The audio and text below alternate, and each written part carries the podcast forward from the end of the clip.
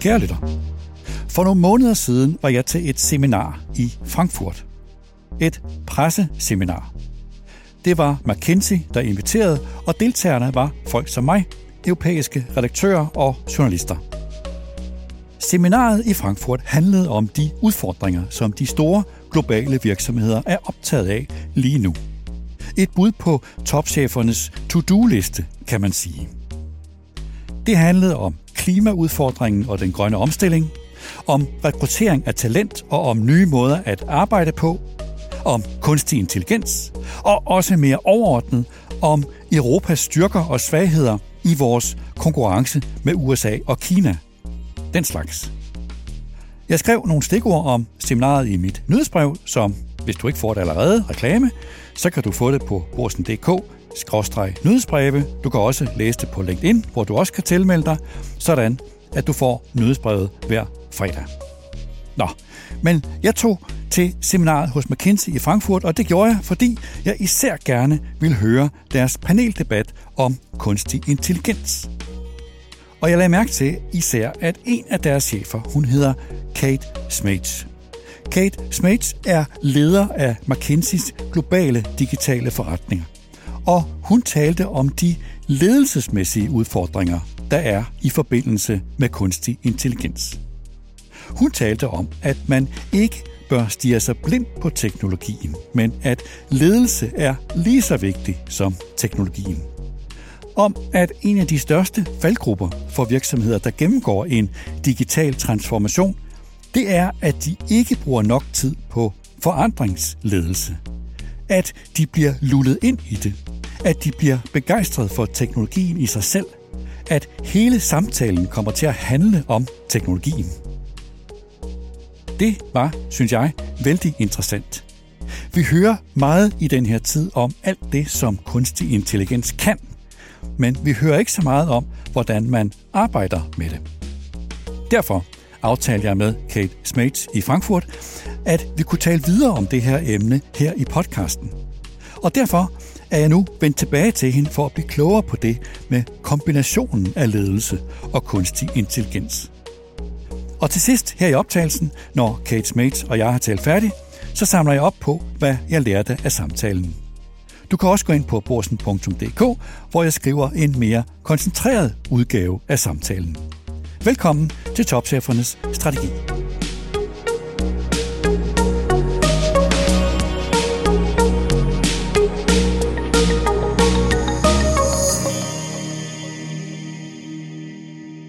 Kate Smaje, welcome to our podcast. Thank you. It's wonderful to be here. Five or six years ago, you looked at the impact of AI on activities within work, and you found that half of the activities would be automated. Not roles, not jobs, but tasks. And then you made another research this year for Gen AI, and there was an acceleration of when that happens, and also now 60 to 70% of tasks. That's a substantial difference of only one technology. Have you seen anything like this before? And frankly, we really haven't. It is a huge level of, of acceleration um, that is just provided by, by, I say one technology, but in many ways it is a, a combina- combination of different technologies. But no, this is really quite unprecedented. Are you, are you surprised how quickly this has happened? Yes and no. So, uh, su- surprised from the point of view of the level of democratization of the technology, the, the ability for us to put it into so many people's hands so quickly. That bit um, maybe more surprised by. But we're seeing, you know, technological advancements in many different areas at many different times. And so in some ways that was less surprising that this came. You know, we've seen the underlying trends for it for, for a while. But the level of take up uh, and therefore the impact that it can have, I think that is maybe partly surprising, certainly very exciting.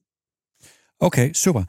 First, I would like to follow up on your remarks in Frankfurt especially two of your observations. First, you said we are going to see a democratization when everybody has access to this tool without any capabilities in coding. And everybody, also frontline workers, will be able to start unlock productivity. What do you think will be the impact of that?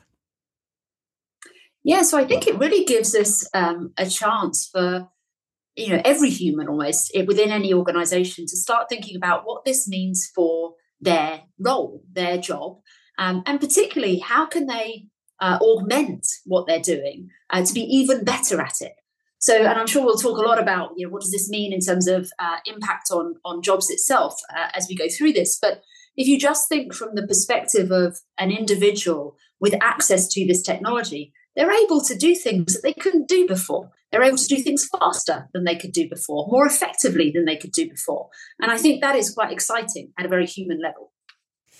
Do you expect this to have organizational changes, the way that most companies are structured?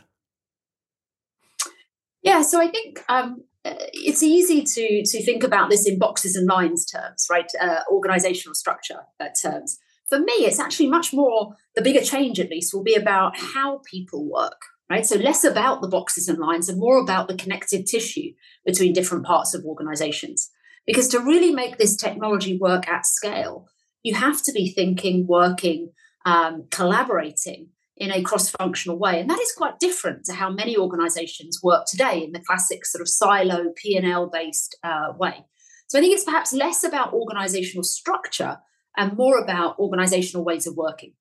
I guess this will be very challenging challenging for any management to to get the full to get the full uh, value out of this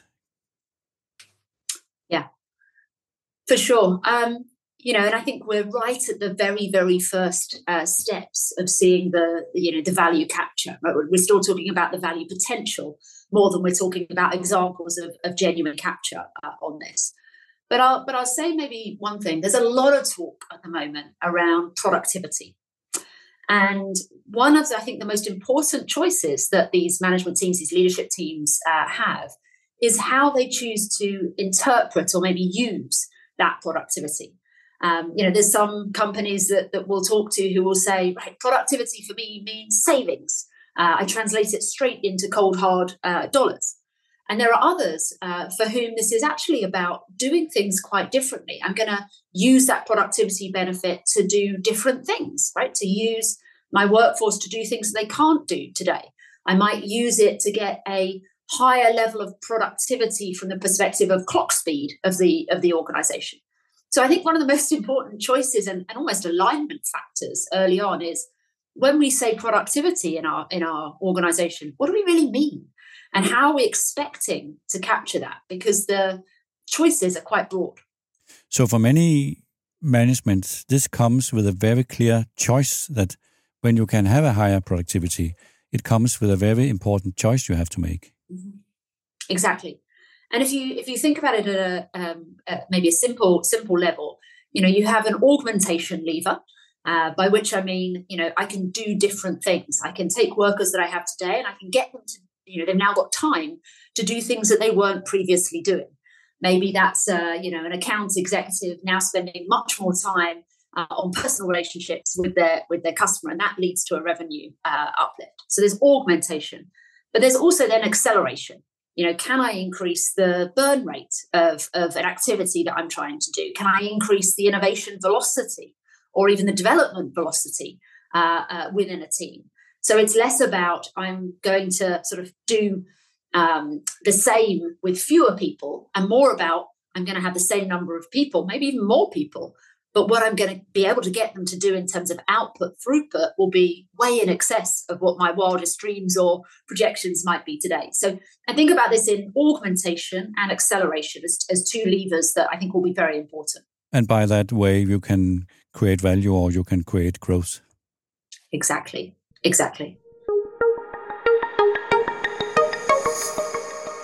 Still from your remarks uh, in Frankfurt, you said that we will see more owners on the change management that sits around it. You said the race is about how do I use this technology to its best extent. So the level of innovation around the man, change management to to help people to get the full power of this technology, what what challenges does that give a management? Yeah, it's a wonderful question. I um, you know, one of my um, concerns, I think, actually, when I look at companies going through any kind of digital transformation or AI transformation, is that one of the biggest pitfalls is not spending enough time on the change management. We get sort of lulled into this um, uh, lulled into this sense of being you know, excited about the technology. Right? All the conversation is about the technology itself. And we miss the fact that actually, for almost every dollar that I spend on technology, I should be spending at least an extra dollar on the change management in order to really kind of land this. That's what our, our research would, would say. And so, if you think about 2023 as, as the year of the tech breakthrough, we've spent all year talking about um, how technology and how exciting the technology is, Gen AI, for example. I think 2024 will be uh, the year of the human breakthrough. Right? So, how do I actually start to think much more purposefully, much more distinctly about what is it that I need my humans to do differently that's going to make the power of the technology, you know, far greater than perhaps we've seen uh, so far. And that's what I really mean by the change management. It's the change that has to sit around around the outside of the technology. Maybe it's process change, maybe it's reskilling, it's upskilling. But how do you make sure that ultimately a human can use that technology to do something better? So we are going from, you could say, enthusiasm about this new technology to how do we integrate it in our processes? Exactly. Okay. There's a huge momentum right now for this uh, new technology. And uh, we also discussed in Frankfurt that this may cause a risk for a kind of, of a hype problem for the next six to 12 months because many organizations are not ready to fully embrace it yet. Yeah. And it's it's interesting. One of the one of the questions I've had, I think, most year is, uh, you know, Gen AI is this just hype? And um, and I would split that into two, right? I don't believe that as a technology it's hype. I don't think in you know three, five, ten years time, uh, you know, we'll be saying, "Gosh, won't be silly to be talking about generative AI." It is here to stay, and it's going to have a fundamental impact on uh, on all of our lives as as, as individuals as well as uh, within companies. But there's a secondary part of this, which is will there be some frustration in 2024 whereby you know maybe companies haven't fully caught up to uh, uh, or aren't fully ready to embrace the full power of, of the technology, and therefore those frontline workers that we talked about uh, earlier become frustrated, right? And become a little disillusioned as to why they're not able to use this at scale. I think that version of hype is a very real, uh, very real risk. And some of this is because, of course, if you look at um, you know any organization that's trying to do something interesting with Gen AI today, it's less about what they've chosen to do today and more about what they chose to do in the last three, four years. So, you know, did they move their workloads to the cloud? Were they thinking about how to improve data quality and change the way that they're indexing their data and so on? Did they get after some of the early um, you know, deployments of ML ops and other scaling technologies that would enable them to do something interesting now. If that work wasn't done, it's quite hard to do anything really, really meaningful in this space, uh, you know, straight out of the trap. So, not hype as a technology, but maybe a little frustration bleeding in in 2024 if companies are slower than the individuals within them to catch up.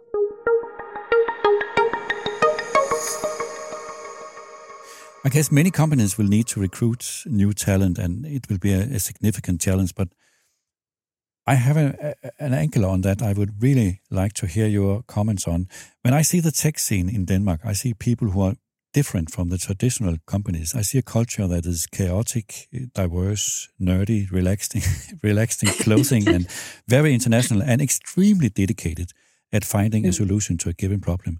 And since since tech has become much more important, I see many of these people being recruited to the traditional companies, and they influence the culture of those companies.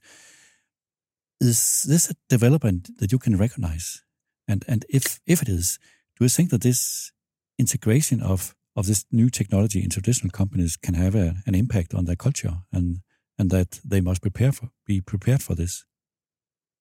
Yeah, and I think I'd go one stage further and say I think it has to, right? And it's and it's in many ways just how you uh, how any organization stays sufficiently modern, sufficiently relevant to be able to access whatever the definition of the best talent happens to be at that at that moment in time. So so I'd actually flip it slightly and say I hope that that uh, that that happens. And you know, much of this is less about the the the way that talent looks or what they wear or anything else, and Uh, maybe I see a lot of myself in the in the description that you you've just made, especially the nerdy piece.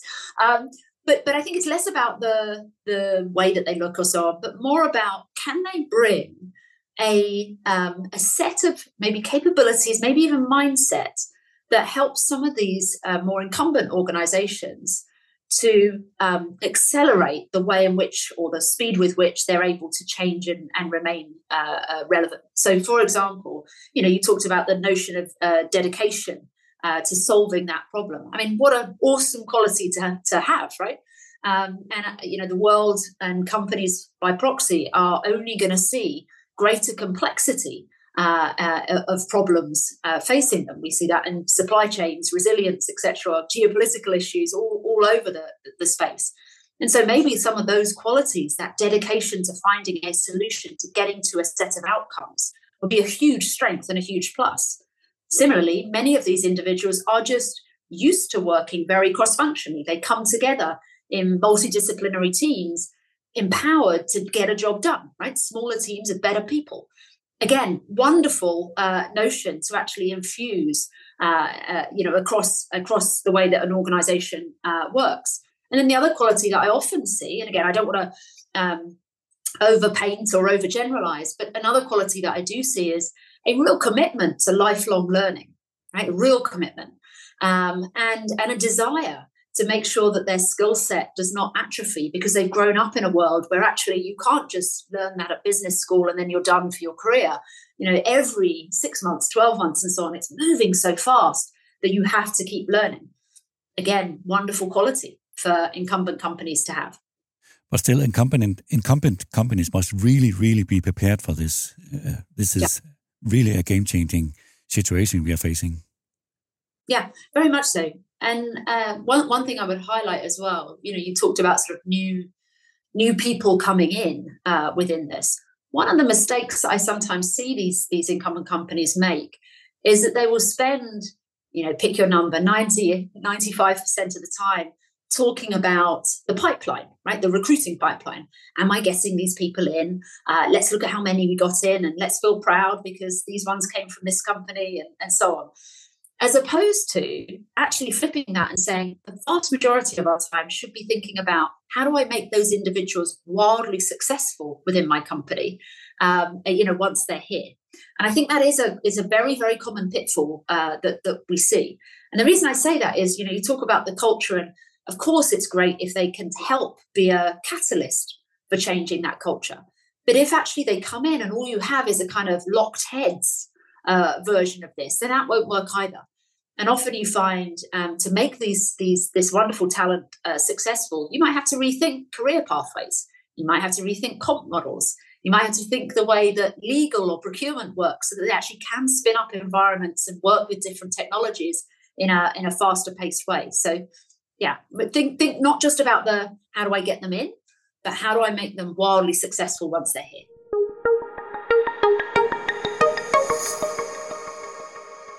You and your colleagues at McKinsey wrote a report from June called The Economic Potential of Generative AI, the Next Productivity Frontier. In that report, you had several key, several key insights, and there are too many to go through them all here. Among others, you have AI will affect every industry, some more than others, but the point is that every industry can create value using this technology. You expect the pace of workforce transformation to accelerate, and you expect a substantial increase in labor productivity across the economy. These three observations, however important they are, may be well known. What I would like to you to elaborate on is the key insight you call the anatomy of work. And I quote from your report Current generative AI and other technologies have the potential to automate work activities that absorb 60 to 70% of employees' time today. This has accelerated largely due, due to generative AI's increased ability to understand natural language, which is, which is required for work activities that account for 25% of total work time. Thus, generative AI has more impact on knowledge work associated with occupations that have higher wages and educational requirements than on other types of work. End of quote. So, this sounds to me as a real game changer compared to earlier technological breakthroughs in history. What do you expect to be the implications of, of this? Yeah, it's a, it's a great observation. I do think it is different, right? Uh, historically, we've seen technology being, um, you know, a replacement activity, as it were, for lower skilled, uh, uh, you know, manual kind of work. Um, and this is different. The fact that it, it, it is not necessarily um, or not disproportionately affecting uh, lower skilled workers, but but rather, you know, mid to upper uh, skilled workers, our knowledge workers, I think is, is, is a genuinely different uh, dynamic. So your question about what, what are some of the uh, implications of this, I'd say a couple of things. One is, um, you know, it, cha- it's, it, it affects a different population. Uh, you know, we, many, you, me, uh, many of us uh, will be much more directly affected than this has been to date. And in fact, back to your point about leadership teams, uh, leadership teams will be fundamentally affected by this in a way that you know perhaps they've been able to to be one one distance removed from from previous ones right? So it will, it will feel more more visceral more immediate uh, to, to leadership cadres uh, middle managers etc within within organizations.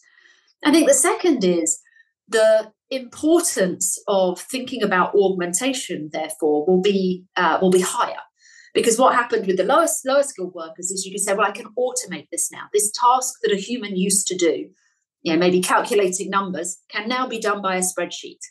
Um, you know, that's a, a one for one um, uh, transfer. But what we're seeing with knowledge workers, of course, is the technology in many ways is giving them superpowers. Right? It's allowing them to do things, uh, you know, faster or better than they otherwise would be able to do. And so the the emphasis on uh, rethinking what what um, how roles need to change rather than roles just being replaced. The onus on that is much, much higher than we've seen for, for other, other technologies. So if you are going to give an individual superpowers, what does that then mean your expectations of them are? And back to your recruiting point, what does it then mean for the type of people that you recruit and where you'll get the biggest uh, productivity boost uh, uh, uh within it? And then the third that I would say is I think it also therefore means that this point you made earlier around change management, the onus on that is, is greater because it isn't about replacement. It's about saying, if I've got to really rethink that role and it's going to affect my, you know, middle managers, my leadership cadre and so on, I had better get that change management right because if those folks are not able to be, you know, productive, engaged, excited about what they're they're doing, it could have very real ramifications uh, for the for the uh, you know quality and the productivity of, of organizations. I will go to the next topic. Um, yeah. A more philosophical question, which we only touched upon briefly in Frankfurt, but I think it's very interesting. We all have a tendency to see what is happening right now, but it's also important to see the underlying events. And this new technology may do the same thing to the uh, that the internet did for distribution and brought it to zero cost. And this new technology will do the same for creativity. I know this is a very difficult question, but if this technology will bring down the cost of creativity to zero, I guess the implications will be enormous. Yeah, I mean, I um, I think it's a, it's a wonderful question, and one of those questions that's always better done with a large glass of, of red wine in your in your hand, sort of late at night. But but the um, you know, I think I think it's cost of creativity coming to zero, and certainly cost of intelligence uh, coming down uh, as well. So I, I, would perhaps throw that that into the mix too. Um, you know, uh, what are the implications of it? I think I think it's very tough to see, right? I'm not sure it ever comes to zero. By the way, it's not. It's not quite quite the same because there will be elements of creativity that will, uh, I hope at least, will always um, be be human enabled uh, as well. But you know what I think it will do for many industries is really challenge the unit cost um, of uh, you know of, of, what they do, and we see this writ large. I think in in marketing uh, at the moment, if I can create um, uh, new content. And I don't need to take you know several months in an ad agency and you know lots of iterations and and so on, but I can actually get a really great prompt uh, into into into one of these models and it creates for me a whole a whole raft of, of things. Actually that's you know incredibly game changing in terms of unit cost business model etc for not just the marketing industry but then you know the retailers, the consumer companies, the uh, you know all of the folks that, that use that. So I do think it's really important to think not just of the direct uh, uh, impact, but what's the second, third bounce of the ball uh, that that uh, that that affects. So I think yeah, cost cost of creativity to zero is is, is a fascinating uh, challenge for us. And as I say, back to the knowledge workers piece, I think cost of intelligence coming down as well is also you know it's going to it's going to change the way that we think about a number of business models. Yeah, and I guess also if everyone has access to the same technology, how can you create a competitive advantage when when everybody, employees and customers and, and competitors, they have access to the same technology? Do you think it will be diff more difficult to create a, a competitive advantage advantages in in that situation? We'll have to challenge ourselves on how we're going to create that competitive advantage, but I absolutely believe it's still there. You know, one of the things that um, you know that you've got to remember about the technology is it will give you a perhaps slightly better than average answer, right? Or it'll give you a mediocre plus uh, answer. It will not give you the distinctive answer. Um, the distinctive, you know, the distinctive answer comes from interpreting that and really thinking about stretching it uh, beyond where it's at. So yes, everybody may have the right, the same technology, and that will have huge impact on bringing the kind of lower performers. You see this in the in all of the um, uh, you know data and so on that's that's been generated so far. It's a it's a huge uplift for the lower performers. But where you get the real magic is in taking the distinctive, you know, the, the, the folks that are distinctive and saying, now I give them superpowers. How do they create that real competitive advantage. So I don't think it, it gets to lowest common. I hope it doesn't get to lowest common denominator. I think it forces us to say, what's the distinctive stretch on top of that? And that's certainly the way that we think about it at McKinsey. But do you think that this technology it will give us answers to our questions? But the, so the, the challenge, therefore, will be to ask the right questions. So to consider the right question becomes if actually more important than to consider the right answer. Uh, that's that's yeah. Uh, sorry. There's a there's a famous Albert Einstein quote. He said once that if I had an hour to solve a problem, I would yes. spend 55 minutes thinking about the problem and five minutes thinking about the about the solutions. I think I, I, I now I understand what he what he means. I guess. Yeah, and I think I think it has always been thus, right? The the people who are able to ask and frame and architect the right questions will always have a better answer on on the back of it. So I, I you know, I'm, um, I love that Einstein quote as well. I think this is a this is a time when um, our ability to to frame, uh, you know, what is it we're really trying to get out of something. This is why prompt engineering has become such a sort of overnight success because the way in which you prompt gives you a significantly different uh, answer uh, because you've asked the question in the right way or asked the question in the way that is going to lead you to what you, you really, really want. So I, I think that is absolutely key. I think it's also why, you know, for many, in many fields, we're starting to talk again about the importance of, of skills like critical thinking. Um, and, you know, not just in framing uh, uh, and structuring problems, but also in terms of interpreting that data. So when you do get that answer, how do I make sure that um, you know I've really thought about the bias that might be inherent in it? How do I think about the fact that there may be some hallucinations uh, within it? There, you know, as we've seen with social media, that you can end up with you know microcosms and echo chambers um, uh, as as a result of this, intended or otherwise. And um, your ability to have all the skills required in in critical thinking and in the communication of how to ask those questions and interpret the answers, I think more important than ever. Kate, thank you very much. My pleasure. It's lovely to see you today. Her sluttede min samtale med Kate Smates. Men da vi egentlig var færdige, så talte vi videre. Og vi talte blandt andet om den bog, som hun er medforfatter af. Bogen hedder Rewrite A Manual for Digital Transformations That Work. Og da jeg nu havde hende, så bad jeg Kate Smates, om hun ikke lige vil give stikordene fra bogen. Altså, om hun ville bare ganske kort give et lille referat, et executive summary, med de vigtigste jagttagelser, som hun og forfatterne gør sig i bogens konklusion. Så her kommer lige to minutter mere fra vores samtale. Kate, you're also a writer and a, or a co-writer of the book about this new technology. What were your key takeaways in the book? Yeah, so um, yeah, some of our key takeaways in this, and this is a body of research that we've been doing since 2017, um, to really try and understand uh, what separates out the leaders from laggards uh, in in any uh, AI or, or, digital transformation, um, and really came from a point of view, or at least a frustration, frankly, on a personal level, that I was hearing from client after client. You know, I see the world, the word digital everywhere in my organization, Kate, except for the bottom line.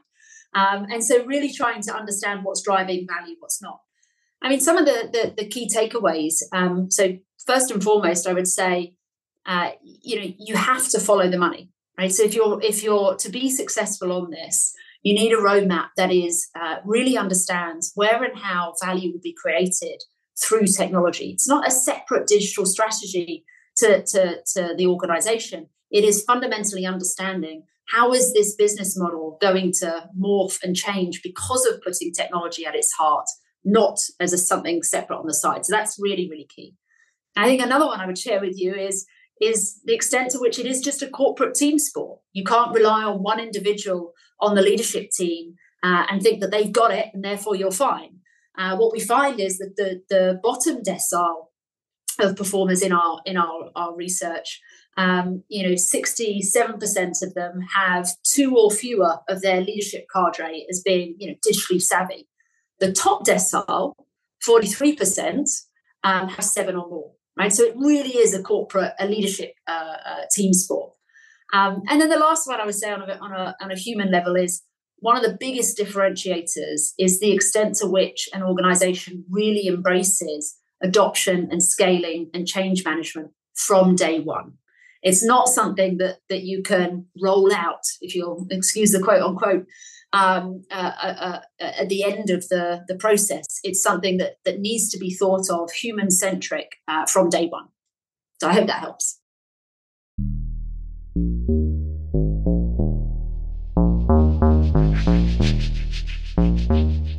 Det var denne udgave af Topchefernes strategi.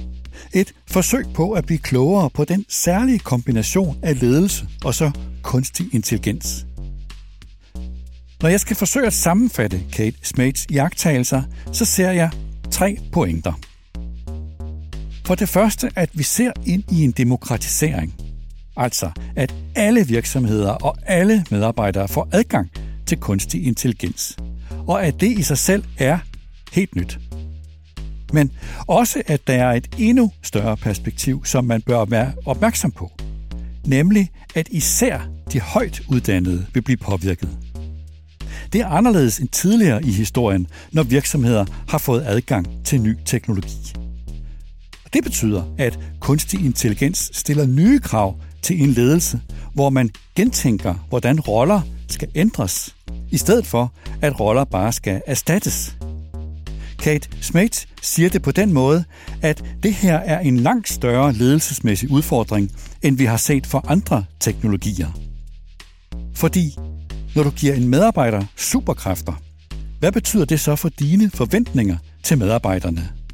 Hvad betyder det for din rekruttering? Hvor kan du få den største produktivitetsgevinst? Når en virksomhed skal skabe sig en konkurrencefordel, i en situation, hvor alle får adgang til den samme nye teknologi, så er det afgørende, at en ledelse er i stand til at få det bedste ud af sine vigtigste medarbejdere, når de får adgang til det, som hun kalder for superkræfter. Når det handler om teknologi, så opstår det unikke af at fortolke det, som teknologien fortæller dig, siger hun. Hendes anden pointe er fra der, hvor vi talte om tech-talenterne og det, der kendetegner de mennesker. Hun nævnte tre kendetegn, nemlig for det første dedikationen til at løse et problem, for det andet erfaringen med at arbejde i små grupper med en stor beslutningskraft, og for det tredje ønsket om livslang læring. Kate Smates gjorde samtidig opmærksom på, at her ligger der en fælde, som mange virksomheder falder i.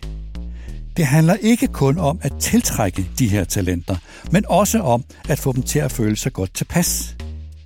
Om at hvis man skal gøre de her talenter succesfulde i en traditionel virksomhed, så kræver det, at man gentænker sit syn på karriereudvikling, på aflønning og på, hvordan man for eksempel arbejder i en indkøbsafdeling.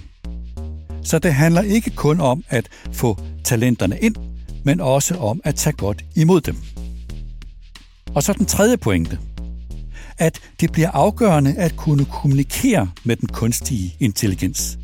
Og at det vil betyde, at evnen til at stille de rigtige spørgsmål, snarere end at finde de rigtige svar, bliver vigtig. Sådan har det faktisk været altid, sagde hun.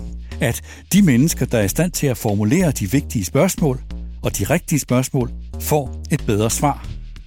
Det gælder også med kunstig intelligens.